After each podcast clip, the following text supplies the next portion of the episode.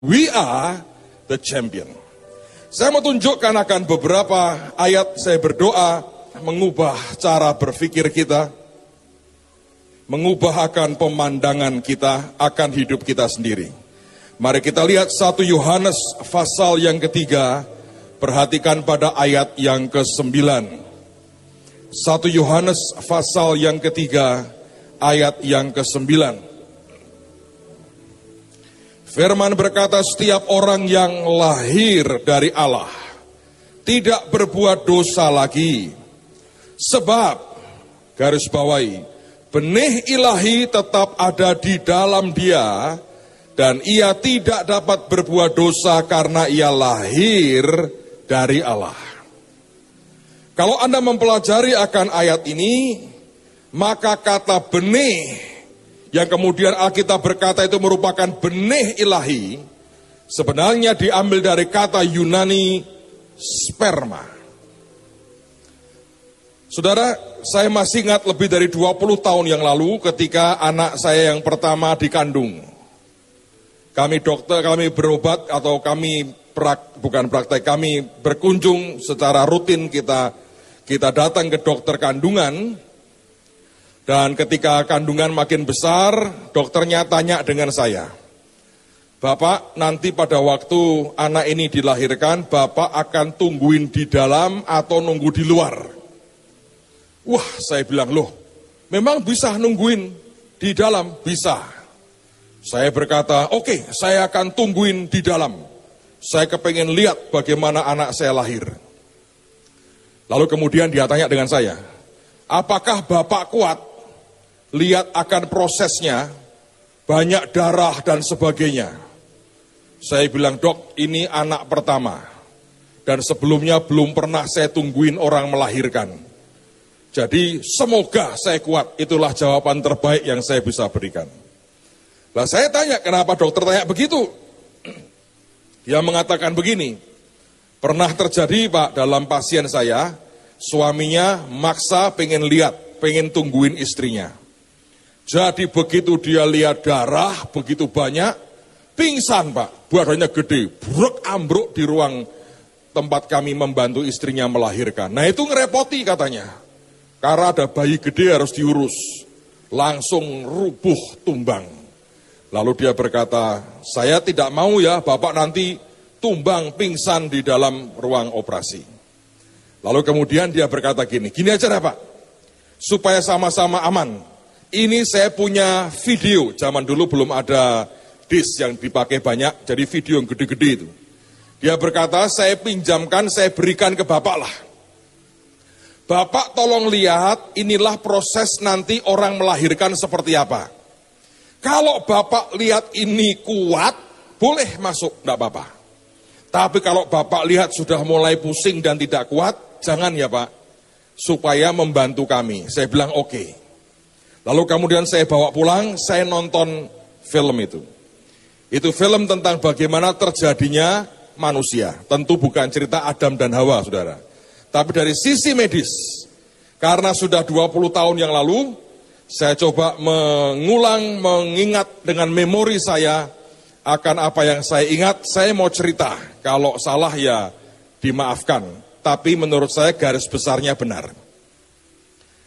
Saudara coba perhatikan ya, pada waktu saya melihat bahwa ada sperma, dan ketika suami istri berhubungan, sperma masuk ke badan istrinya, maka saya melihat dalam dalam gambar itu, dalam film itu sebuah pemandangan yang mentakjubkan. Saya menggambarkan itu seperti satu kekuatan pasukan diterjunkan dan masuk areal musuh. Lalu itu kan istrinya Pak, oh tetap saudara, karena menurut yang saya tahu, bahwa badan kita ini punya seperti apa ya, sistem menolak semua yang asing yang bukan dari bagian tubuhnya, dilawan, dimatikan.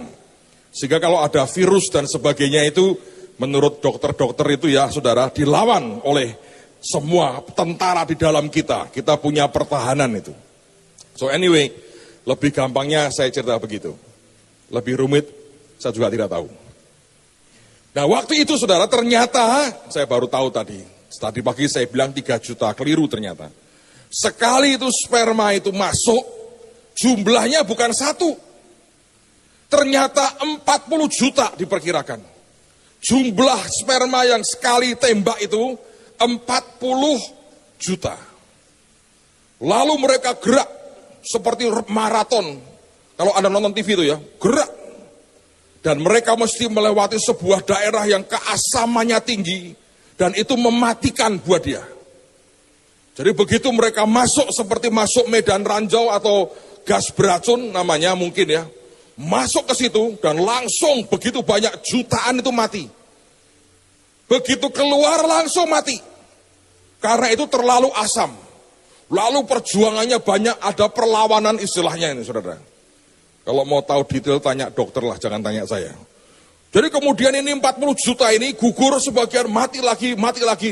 Itu perjuangan cukup panjang untuk menjumpai, mendapatkan sel telur wanita itu.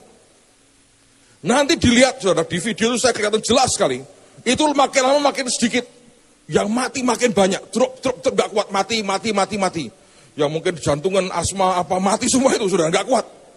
Gak kuat. Sampai kemudian tinggal beberapa. Wah itu saling ngotot berkejaran. Nanti sebuah titik ada satu yang beberapa ngerubutin yang sel, apa itu sel telurnya wanita itu berlomba itu mencoba masuk.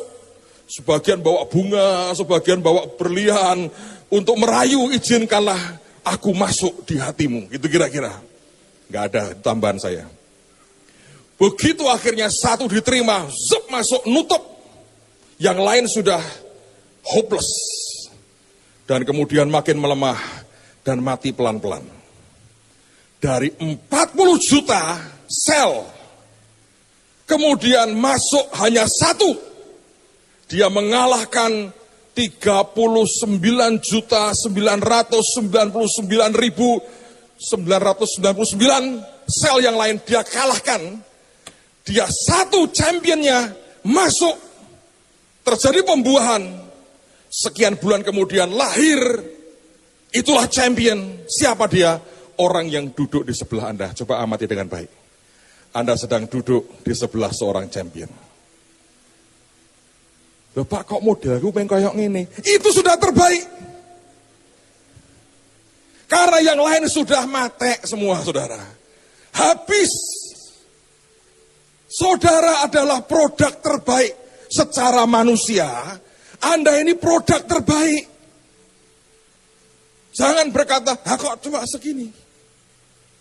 Artinya dalam hidup Anda, ada benih yang terbukti, mampu mengalahkan hampir 40 juta pesaing yang lain.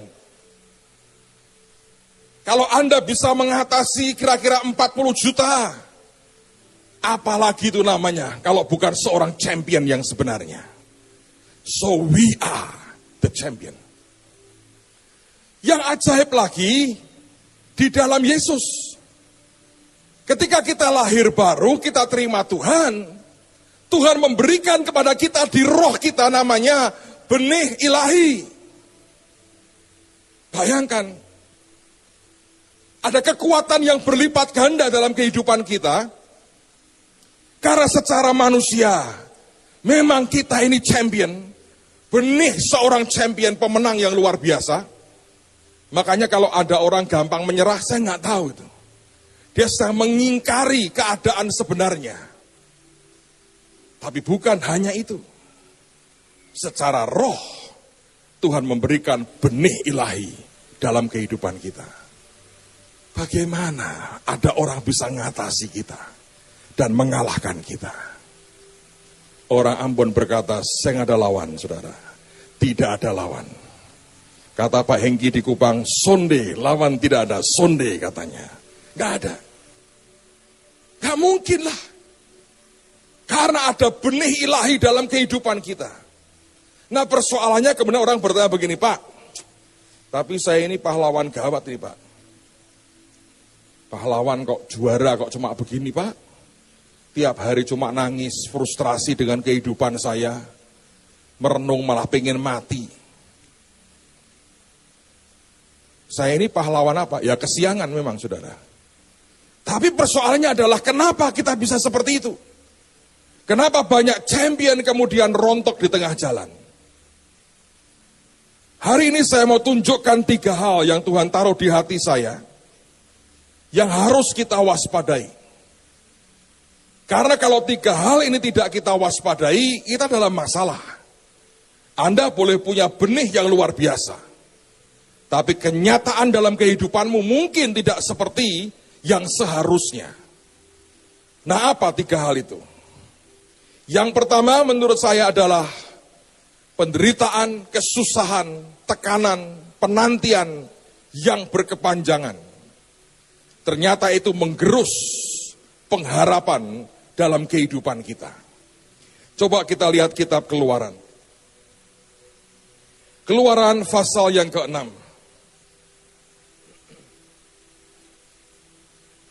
Keluaran pasal yang ke-6, lihat mulai ayat yang pertama.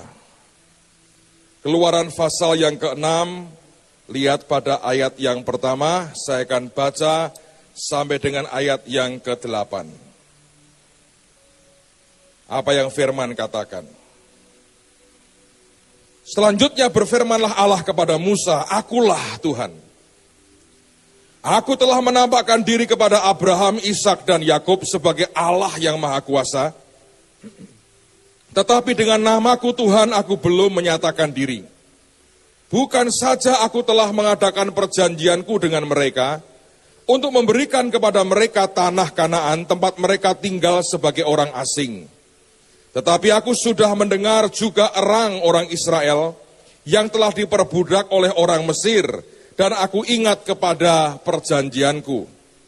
Sebab itu katakanlah kepada orang Israel, Akulah Tuhan, aku akan membebaskan kamu dari kerja paksa orang Mesir, melepaskan kamu dari perbudakan mereka, dan menebus kamu dengan tangan yang teracung dan dengan hukuman-hukuman yang berat.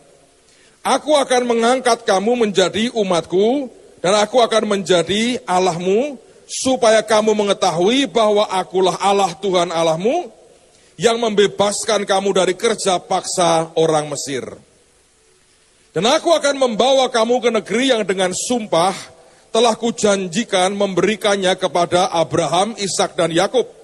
Dan aku akan memberikannya kepadamu untuk menjadi milikmu, akulah Tuhan. Ayat 8 Anda perhatikan. Lalu Musa mengatakan demikian kepada orang Israel, tetapi mereka tidak mendengarkan Musa karena mereka putus asa dan karena perbudakan yang berat itu. Mereka bagaimanapun sudah mengalami penderitaan, penantian, aniaya, kekecewaan terlalu lama. Dan akhirnya itu menggerus akan iman mereka dan pengharapan mereka.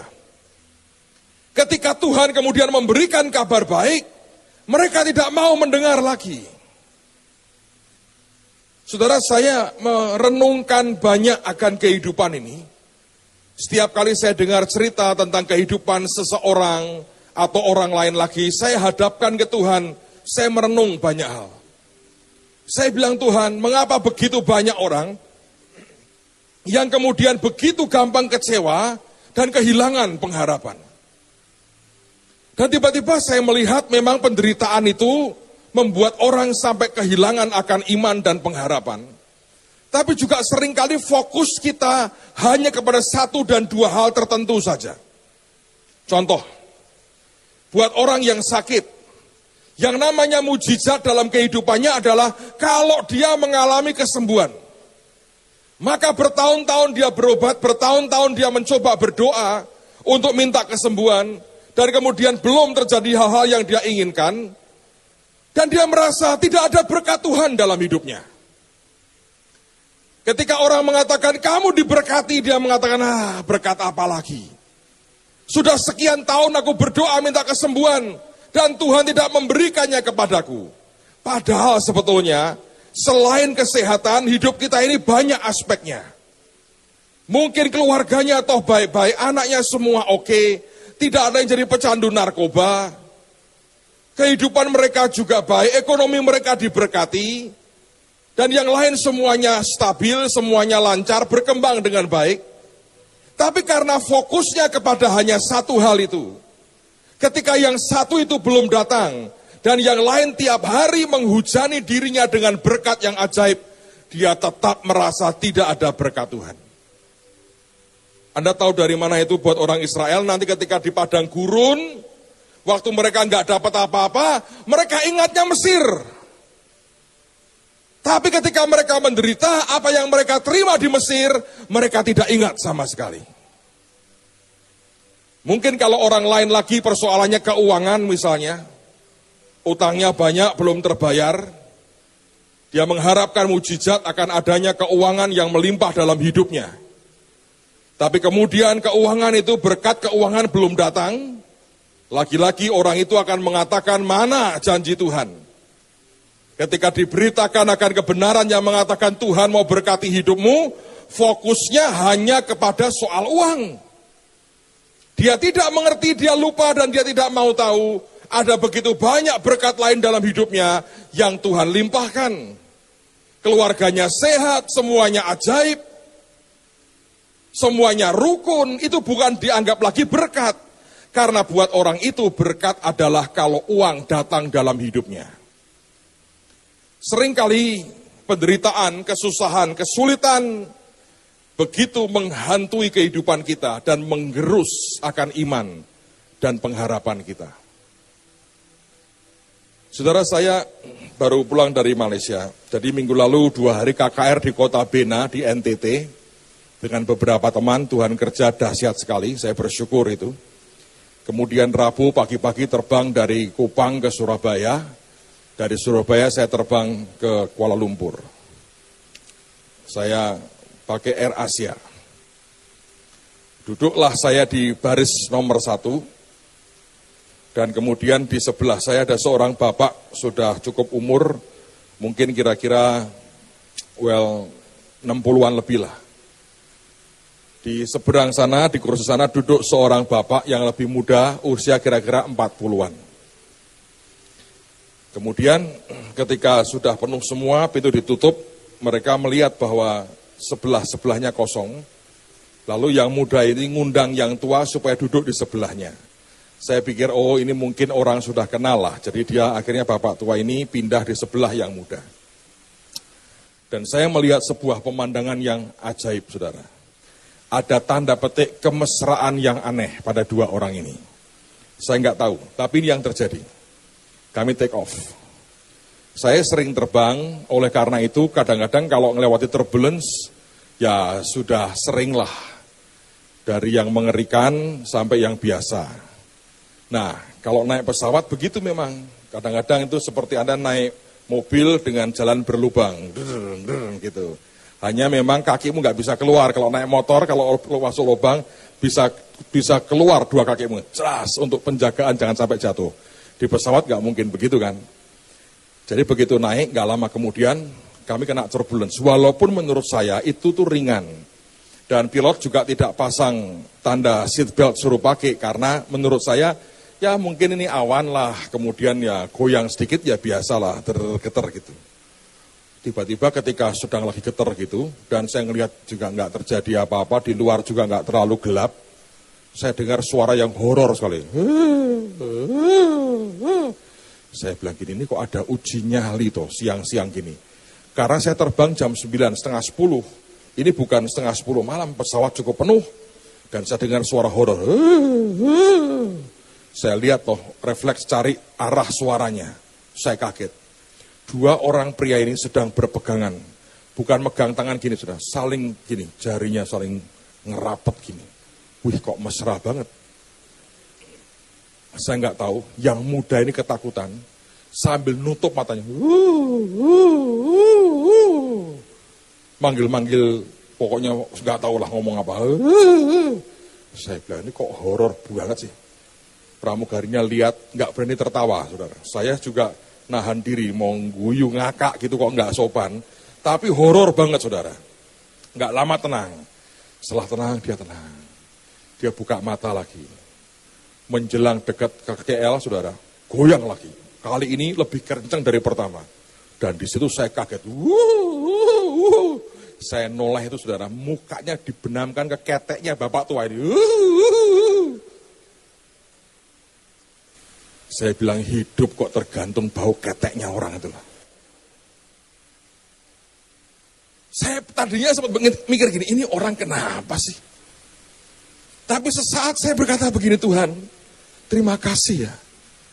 Aku minimal diberkati karena tidak ikut horor. Kalau dia horor, saya horor, saut-sautan. Bayangin itu penamanya bukan air Asia, air kuntilana menurut saya. Yang ajaib lagi akhirnya kami mendarat saudara. Begitu mendarat topinya dibuka. Dia sisir rambutnya. Seperti nggak terjadi apa-apa. Ya tadi hai hai hai. Sekarang gaya begini. Berdiri gagah saya bilang, mas, mas gaya mutok dalam hati. Tuhan itu memberkati kita dengan banyak hal. Hanya kita tidak menyadari itu blessing Tuhan. Kita anggap sebagai hal yang biasa. Kita anggap bukan sesuatu berkat yang ajaib. Tapi Anda mesti waspada. Karena banyak orang ketika dia nggak terima berkat, dia menanti dan belum datang. Ini ya, ya saudara ya, yang sopan-sopannya kalau ada orang lain yang diberkati, ya paling-paling dia diam aja. Dia paling-paling diam, dan kemudian dia paling-paling berkata, good for you, baguslah buat kamu. Dia nggak bisa bersyukur karena buat dia berkatnya orang lain itu nothing. Kalau berkat gua itu baru jos. Tapi sering kali yang lebih kurang ajar ketika ada orang diberkati dia marah. Kenapa lu yang diberkati, kenapa bukan gua? Menurut saya ketidaktahuan diri itu yang menyebabkan masalah. Tapi saya mau berkata buat saudara, hati-hati karena saya melihat banyak orang Ketika dia terlalu lama dalam penderitaan, dia nunggu terlalu lama, proses yang dilewat terlalu lama, akhirnya dia kehilangan pengharapan. Dan dia kehilangan iman. Maka kekuatan dia sebagai seorang champion tiba-tiba memudar. Dan itu sebuah persoalan yang mengerikan sekali. Saya berdoa, tetap kita percaya. Apa pun yang terjadi karena Tuhan tidak akan membuat kita tergeletak. Amen, saudara. Banyak orang ini sebetulnya menurut saya terlalu curiga dengan Tuhan. Nah, saya mau cerita sesuatu lah. Saya berharap nolong Anda mengerti. Siapa yang merasa dirinya lebih baik dari Allah Bapa? Coba angkat tangan, ada nggak saudara? Saya sih nggak berani. Saudara. Itu kebacut, ada yang angkat tangan itu kebacut bener tuh. Karena engkau belum pernah menyerahkan anakmu untuk dibunuh untuk orang lain, saudara. Ya toh itu kebacut lah. Kita nggak ada, nggak ada di antara kita yang lebih baik dari Allah Bapa nggak ada. Tapi kita yang ayah yang tidak lebih baik, yang jauh-jauh lebih tidak sempurna dan jauh lebih jelek dibandingkan Allah Bapa saja. Itu tahu bagaimana memikirkan yang terbaik buat anak-anaknya. Satu hari, beberapa minggu, minggu lalu lah, anak saya yang paling kecil itu kan ulang tahun ke-17. Sudah jauh-jauh hari saya tanya begini, kamu pengen apa toh? Sasa kamu pengen apa? Dan jawabannya dari tahun ke tahun sama, enggak pengen apa-apa kok Pi. Itu jawaban dia tuh selalu begitu. Anak saya punya keahlian meminta itu beda-beda. Yang paling punya doktor dalam hal meminta kepada papanya yang Samuel ini. Jadi dokter benar, dia disertasinya lulus tiap hari. Selalu ada proposal baru diajukan. Adiknya kurang pinter soal itu. Tak tanyain, pengen apa? Nggak pengen apa-apa, Obi. Nah, saya kan pusing. Kurang sudah makin dekat harinya, saya tanya lagi. Kamu pengen apa? Terserah papi. Waduh, itu juga nggak jawab pertanyaan saya. Saya desek terus, saya bilang, papi kan pengen memberi sesuatu yang kamu suka. Kamu pengen apa? Oh ada, Pi. Serabi Notosuman. Mateng tenan Ulang tahun ke-17 minta serabi notosuman. Ada sih yang jual, enak nggak? Enak sih, enak. Tapi ulang tahun ke-17, minta serabi notosuman. Anda kalau punya anak seperti ini, iritnya luar biasa. Tidak pernah minta apa-apa, ulang tahun ke-17, tidak kepengen dipestain, hanya kepengen serabi notosuman. Saudara, tahu nggak kalau Anda minta ke bapak terlalu begitu ya, engkau menyulitkan Bapakmu yang di surga. Beneran. In a good sense ya, dalam hal yang baik. Apakah saya mengabulkan permintaannya? Jelas, saudara. Saya berikan ke dia, kita belikan satu kotak, ya, satu kotak penuh tuh, nggak tahu, ditetel penuh. Serabi Notosuman. Berbinar mukanya, lihat Serabi Notosuman ulang tahun ke-17. Hanya memang bungkusnya lebih gede daripada serabinya. Saya itu dimasukkan di kotak dan kotak itu dimasukkan di tempat di box yang punya roda empat, ada begininya, ada begininya. Itulah hadiah Serabi Notosuman dari bapaknya. Lalu kemudian Tuhan berkata pada saya begini, kamu ini bapak yang tidak sempurna. Ya Tuhan, aku menyadari. Kalau kamu yang tidak sempurna saja, permintaan serabi saja kamu bungkus dengan sesuatu yang bisa gelinding. Ya toh, rodanya empat, dengan serep satu lima. Kalau tiga itu bemo, saudara. Kalau kamu bungkus dengan begitu, warna putih. Dan kamu berkata, ini hadiah ulang tahunmu. Apa kamu pikir bapakmu itu tidak lebih baik dari kamu? Saya kaget. Apa kamu berani berkata, bapak di surga itu kalah dengan kamu? Kalau orang Malaysia yang jawab, saya tirukan, ampun beribu ampun Bapak. Beta tak berani berkata begitu. Ya toh, kan kurang ajar teman toh. Kalau Anda berkata, gua lebih baik dari Bapak di surga, kebacut loh saudara. Artinya kalau Bapak yang tidak sempurna saja memikirkan dan memberikan apa yang anaknya tidak minta. Anda itu punya Bapak di surga yang sempurna.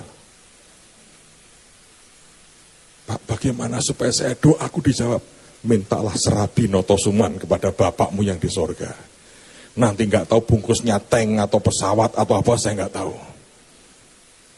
Dan kau boleh merayu gini Tuhan, kau akan lebih baik dari pendetaku. Please dong Tuhan, serabi notosuman. Tapi entah kalau tiba-tiba datang saat truk serabi semua, saya nggak tahu saudara. Tapi minimal saya mau berkata, mari jangan curiga dengan Tuhan. Tuhan ingin yang terbaik bagi anak-anaknya. Amen. Yang kedua, yang kedua.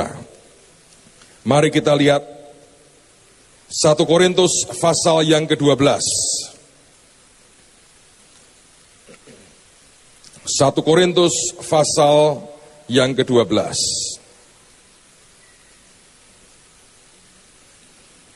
Lihat pada ayat yang ke-14 sampai dengan ayat yang ke-22. 1 Korintus pasal 12 mulai ayat yang ke-14.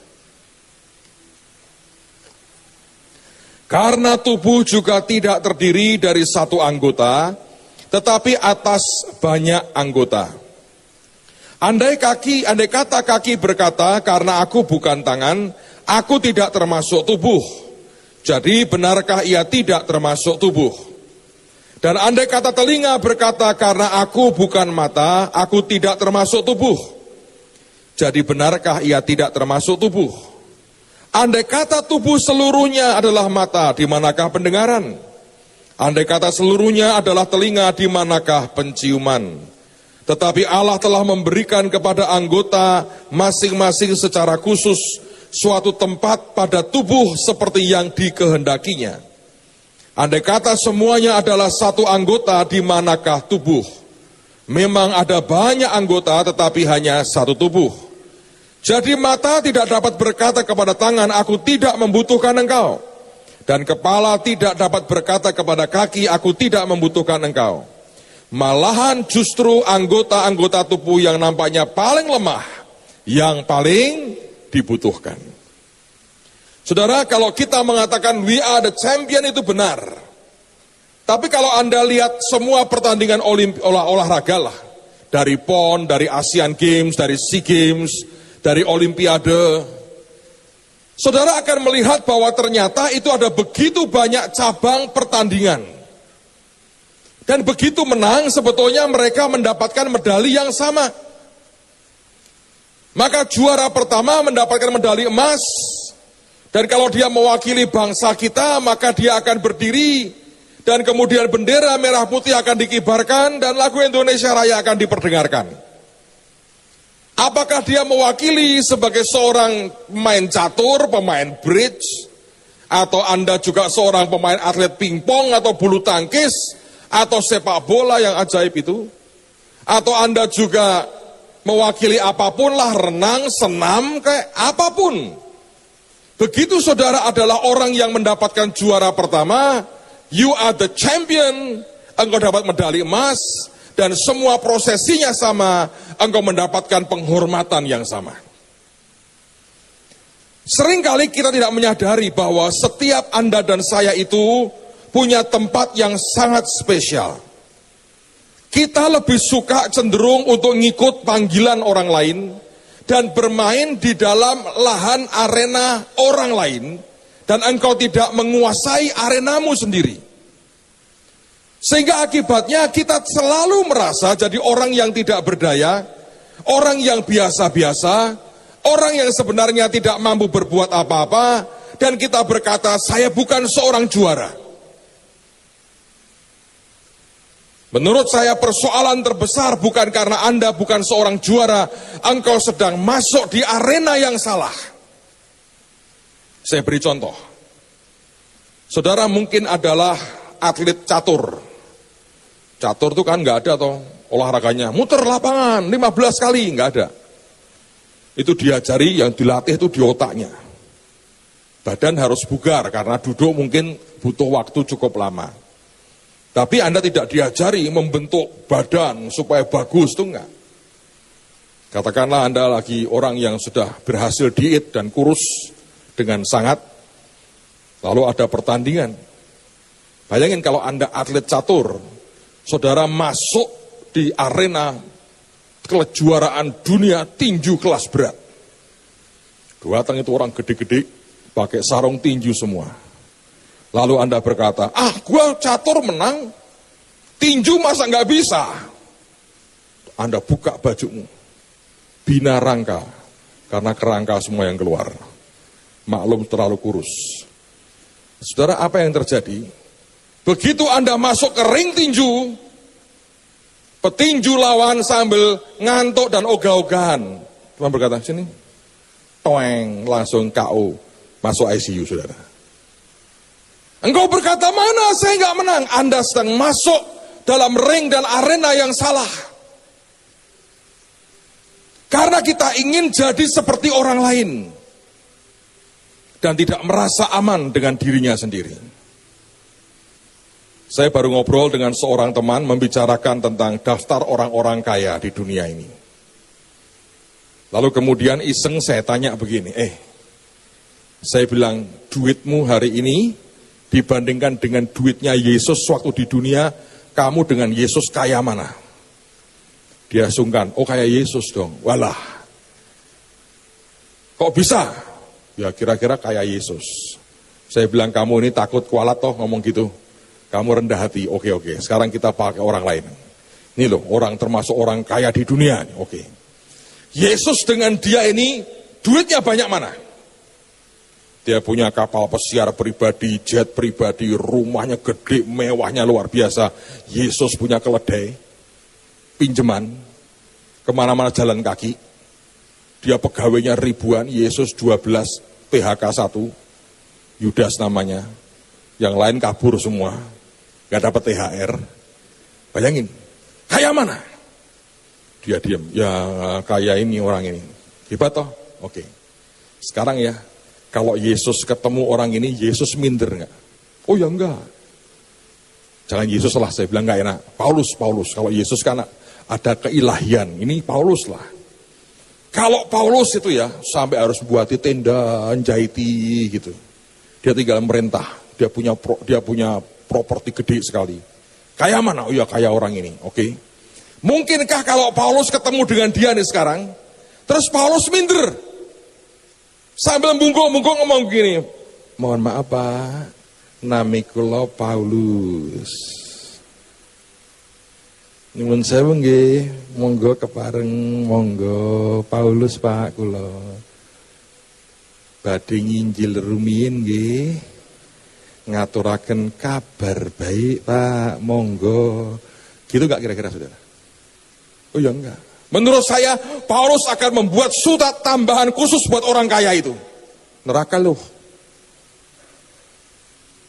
Dia akan marah besar karena engkau hanya memperkaya dirimu, tidak melakukan apa pun buat Tuhan dan orang lain. Dan kalau perlu dia akan buat surat Paulus yang ketiga. Untuk siapa nggak tahu. Dan kenapa dia tidak minder dan kemudian dia tidak merasa rendah diri? Sebab dia berkata, aku champion. Dia tidak bermain di arenanya orang. Tidak salah dengan orang kaya itu. Anda kalau kaya tidak salah. Kalau Anda semua miskin, semua pusing saya saudara. Mendoakannya lama ini. Tuhan ini kok miskin kok bareng-bareng rombongan gini bagaimana? Susah. Kalau Anda diberkati, saya ikut happy lah minimal. Konseling berkurang, saudara. Ya toh, nggak ada orang datang ke saya, Pak, duitku yang Pak, piye Pak, mumet saya konseling Pak. Nggak ada, nggak ada itu, nggak ada. Utangku yang banyak, duitku yang belum pernah ada itu. Saya nunggu Pak Tim ngomong gitu sudah lama nggak, kok nggak muncul-muncul. Dia terlalu rendah hati sih. Saya menunggu dia bilang, aduh aku yang duit nih. Sampai kabutan, pik, pegel kabeh tak, songgo dewi. Nah mari kita bagi-bagikan begitu saudara, ya tak? Tapi nggak pernah ada. Ya persoalannya adalah sebetulnya kita ini bermainlah di bagian kita masing-masing. Sekian tahun lalu saya pernah memberikan sebuah nasihat yang salah dengan teman saya. Saudara kita ini harus mengerti bahwa semua kita itu membutuhkan sebuah proses waktu untuk Anda mencapai akan tingkat kematangan. Sampai engkau mencapai itu akan begitu banyak pendapat, omongan Anda yang sebetulnya nggak terlalu baik didengar. Nah, saya pernah mengalami fase di mana saya memberikan sebuah peneguhan yang keliru dengan orang. Ini bukan orang Semarang. Hamba Tuhan, seorang pendeta, seorang penginjil. Dia ikut sebuah gereja dan hidupnya memang pas-pasan. Saya tahu, saya pernah tinggal di rumahnya. Saya makan yang dia makan tiap hari dan sebetulnya haleluya betul. Saya turun bobot saya beberapa kilo setelah nginep di rumah dia. Mau nggak mau sih. Jadi itu saya ngerti betul kesusahannya. Suatu hari dia ketemu saya. Dia berkata gini, aku hari ini mau mengajukan surat pengunduran diri dari gereja. Loh, kenapa? Kan gembalamu oke, gerejamu oke. Ya, gembala saya nggak apa-apa. Tapi istri saya nggak tahan. Dan aku nggak tahan. Ketika melihat istriku nangis, aku nggak tahan. Aku menyimpulkan ini bukan tempat saya. Ada apa? Dan konyolnya saya iakan itu nasihat, apa itu alasan dia. Saya menyadari bahwa itu sebuah kesalahan. Lalu kemudian dia berkata gini, suatu hari ini, dia bilang ini kan baru selesai liburan katanya waktu itu. Ini pada balik, kalau liburan gereja sepi, jadi gua yang tungguin di gereja, gembala yuk pergi, saya tungguin di gereja. Nah sekarang ini minggu pertama, semua sudah pada pulang, ibadah normal lagi. Tadi pulang gereja itu istri saya nangis. Kenapa? Ibu-ibu kumpul. Ibu-ibu kumpul, nah begitu kumpul mulailah bicara. Eh, kalian pada ke mana? Ibu-ibu kan bawa tas ini. Mau ke mana? Yang seorang bilang, gua ke Paris loh, gua ke Paris. Itu menara Eiffel ada beneran loh. Kayak di foto-foto. Gua naik tinggi juga loh. Bukan naik terus turun, naik loh gua. Terus gua belanja tau nggak? tempat perbelanjaan, barangnya baru-baru. Sayang ya koper gua nggak muat. Mau saya bawa pulang Jakarta semua tuh. Pakai kontainer, pakai sampan gua mau bawa pulang semua. Itu tas merek-merek. Ya kita beli cuma 15 katanya. Buat tiap dua hari sekali ganti. Supaya suami Eka tidak malu kan sama orang. Dua hari ganti. Dia ngomongnya Paris. Dia tanya sebelahnya, eh lu ke mana? Ya gua nonton tikus men. Nonton tikus apa lu? Jijik banget. Disneyland, Disneyland. Oh, you ke US. That's right, that's right. Ke US, man. Tempatnya Obama. Oh, saya Osama, ini Obama. Mabok lah. Satunya ngomong pusat perbelanjaan Champs-Élysées di Paris. Barang merek-merek ya, semua barang bermerek toh ada buat sendiri pun ada mereknya bisa. Barang bermerek. Yang satu cerita nonton tikus, eh tambah genit loh tikusnya. Di mana Disneyland? Anak gua seneng kok, sampai kayak tikus semua sekarang. Yang seorang nggak mau kalah. Eh lu ke mana? ya kan ini uh, suami Eke kan dekat dengan keluarga kerajaan Inggris. Ya jadi Eke diundang sama Ratu Elizabeth menghadiri 50 tahun dia naik tahta. Terus lu ngapain? Ya Nggak apa-apa sih cuma satu kereta dengan Elizabeth. Dia cerita apa? Macam-macam lah, orang tua kan pikonya banyak. Ya jangan orang itu. Jadi lu ke sana, iya. Ada fotonya nggak? Nggak sempet. Padahal jadi turis saja sih sebenarnya. Dia cerita, oh London, sekarang London loh. Itu ada Big Ben, ada ada jam gede, ada bener tuh. Ada sungai Thames, ada orang bisa berenang ke situ, ada ikannya banyak. London. Yang seorang lagi bertanya, Anda ke mana sis? Ya ke ke Holland, itu ada oma, and opa, wice, and ini, ini, ini. Eh, segala macam, bahasa Belandanya keluar. And itu kita makan, itu uh, itu uh, zosis enak. Kita makan hambos itu wah. Dan lihat itu, itu kincir angin muter-muter kena angin katanya. Eh, kita di Belanda, Holland, main Holland. Oh itu om dan tante eh, Eke di sana umur panjang. Kadang-kadang dia nyedot marijuana di situ. Nah ini istri pendeta tertekan. Karena harusnya setelah Belanda itu dia yang cerita.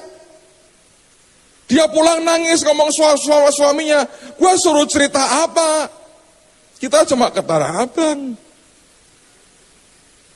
Tertekan. Dan dia berkata, saya mau keluar. Saya bilang, ya bener keluar aja. Saya pikir gue goblok banget tuh. Saudara tahu di mana persoalannya? Ya biarkan orang mau ke Paris, orang mau ke Amerika, orang mau ke Belanda, orang mau temuin Ratu Elizabeth, bagus lah. Yang penting souvenirnya kita dapat, selesai kan? Asal kita nggak minta kita yang bayarin aja. Ya nggak apa-apa dong, pergi. Lalu kita bagaimana Pak? Kita mau ke Singapura, suami kita berkata, yuk sewa sampan. Kan nggak nyampe-nyampe. Hari ini saya kalau di, kalau ketemu orang yang sama, saya akan berkata, loh, kamu bisa lebih hebat dari semua mofro-mofro itu. Dari mana hebatnya? Gampang, gampang. Setelah mereka cerita Paris, cerita tikus, cerita Ratu Elizabeth, cerita keju Holland dan sebagainya. Kamu tinggal ngomong, tapi kamu kerjain. Sementara kamu liburan, masuk kolong jembatan. Beritakan Yesus, bawa kolam renang. Biar mereka buang sial, baptis dalam nama Tuhan Yesus. Menangin minimal 100 orang. Begitu semua sudah cerita, Anda tinggal berkata, lalu ke mana Ibu Gembala? santai aja. Aku tuh satu hari berdoa. Kalau usah dia berkata, berdoa malam kudus ya saudara. Tenang, orang ngomong apa pun yang duniawi kalau ada orang berkata, aku berdoa, saya malam kudus, tenang dia, senyap, hilang. Dan berkata saja, Tuhan gerakkan hatiku masuk kolong jembatan. Anda cerita, aku ngomong sama orang tentang Yesus, dia nangis. Dia bawa temannya, aku doain setiap hari dua minggu. Kemarin sore aku bawa ke kolam renang. Seratus orang terima Tuhan Yesus. Ini yang Paris, yang Belanda, yang tikus, yang London diem. Dan siapa juaranya? Ibu gembalanya. Menurut saya ibu-ibu yang akan berkata, iya sih, oh, oh sih ya, harusnya gitu ya Ibu butuh duit enggak untuk kita-kita nyumbang? Minggu depan kita diajak ya, iya pakai hak tinggi ya kalau datang ke sana. Dan tiba-tiba Anda tahu juaranya siapa. Anda ngerti maksud saya? Banyak orang itu ingin jadi seperti orang lain. Bisa. Dalam panggilanmu, dalam keadaanmu sekarang, jangan nunggu nanti dua tahun lagi kau berbuat sesuatu. Dalam keterbatasan kita pun Anda bisa berkata Tuhan, bagianku itu apa? Kerjakan itu. Tiba-tiba Anda akan jadi juara yang luar biasa. Buat saya hari ini saya muter hampir 50 negara di dunia. Tidak membutuhkan untuk saya jadi orang kaya untuk bisa beli tiket. Untuk pergi keliling dunia ke 50 negara. Tidak perlu. Saya masuk di arena saya, lakukan yang terbaik dengan Tuhan. bergerak dengan Tuhan itu membawa saya ke mana pun yang saya mau. Anda ngerti, hamba Tuhanlah Morris Sirulo. Pakai Tuhan luar biasa. Ya, kita nggak usah berkompetisi dengan Morris Sirulo. Saya suruh seperti Morris nggak bisa. I can hear you. Nggak bisa saya.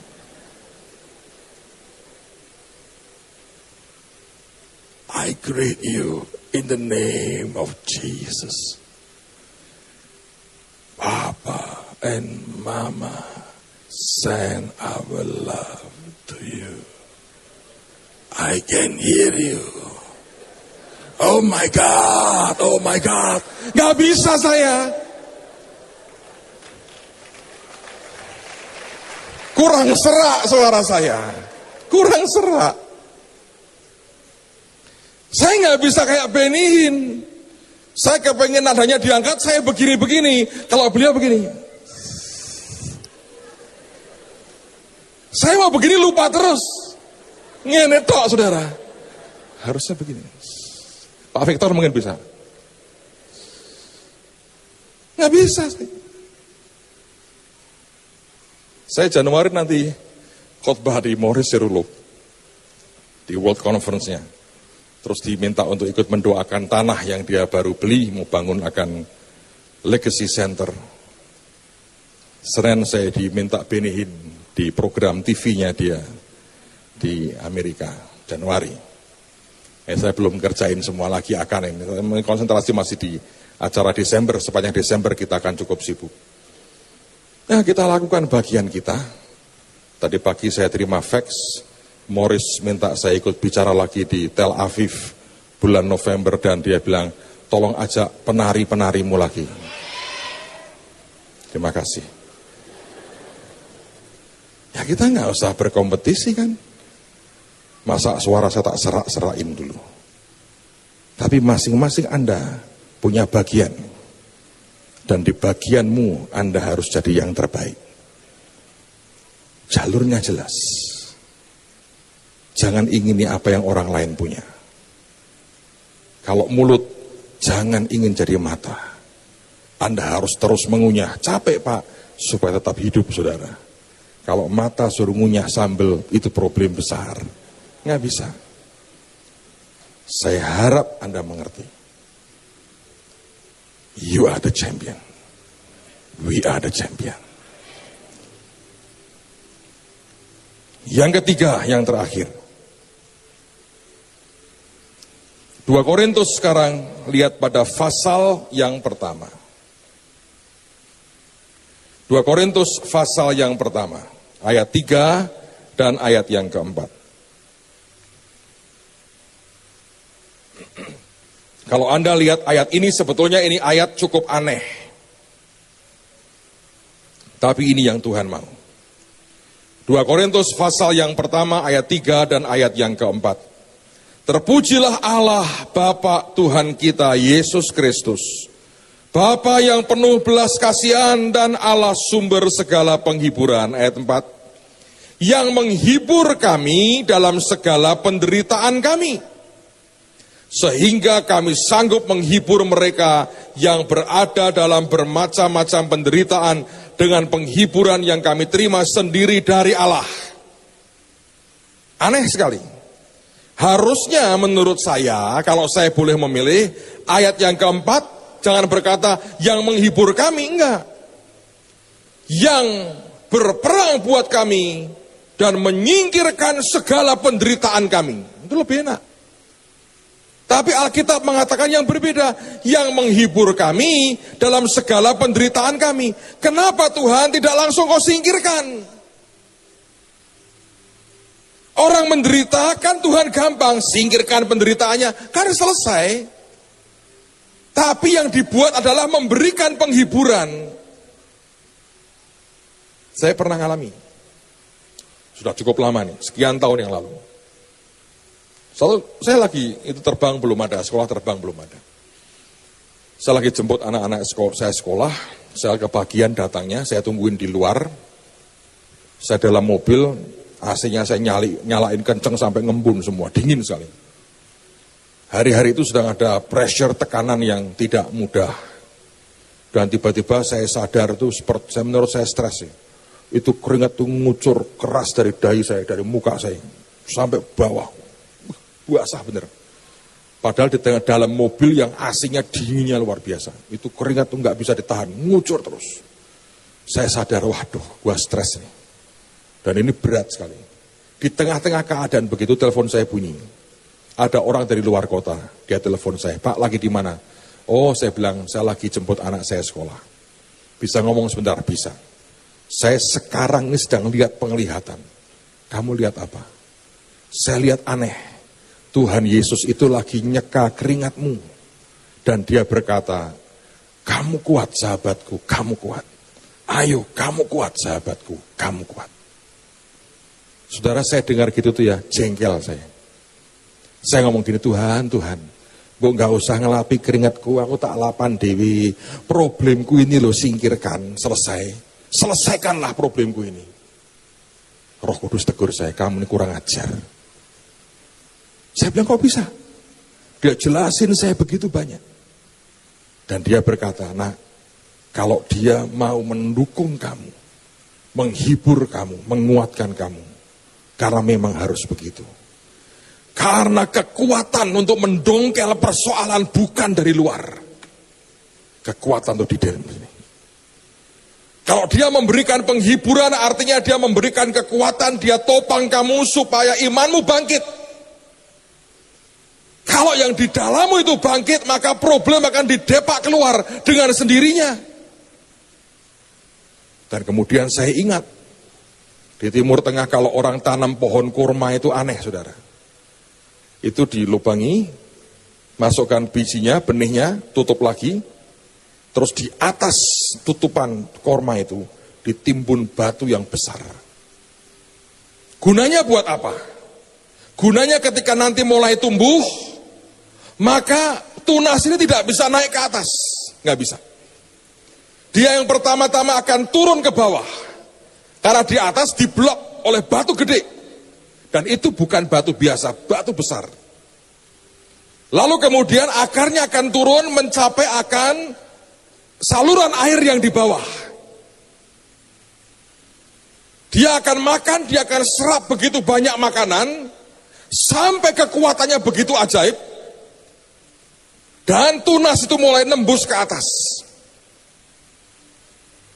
Dan akan terus nembus butuh waktu. Dan sementara nunggu dia punya kekuatan, akarnya itu makin banyak ke bawah. Lalu kemudian satu titik dia akan begitu kuat. Dan dia akan dongkel batu itu, terguling. Dan dia akan naik begitu kuat. Akarnya begitu dalam. Kena gurun, kena badai gurun.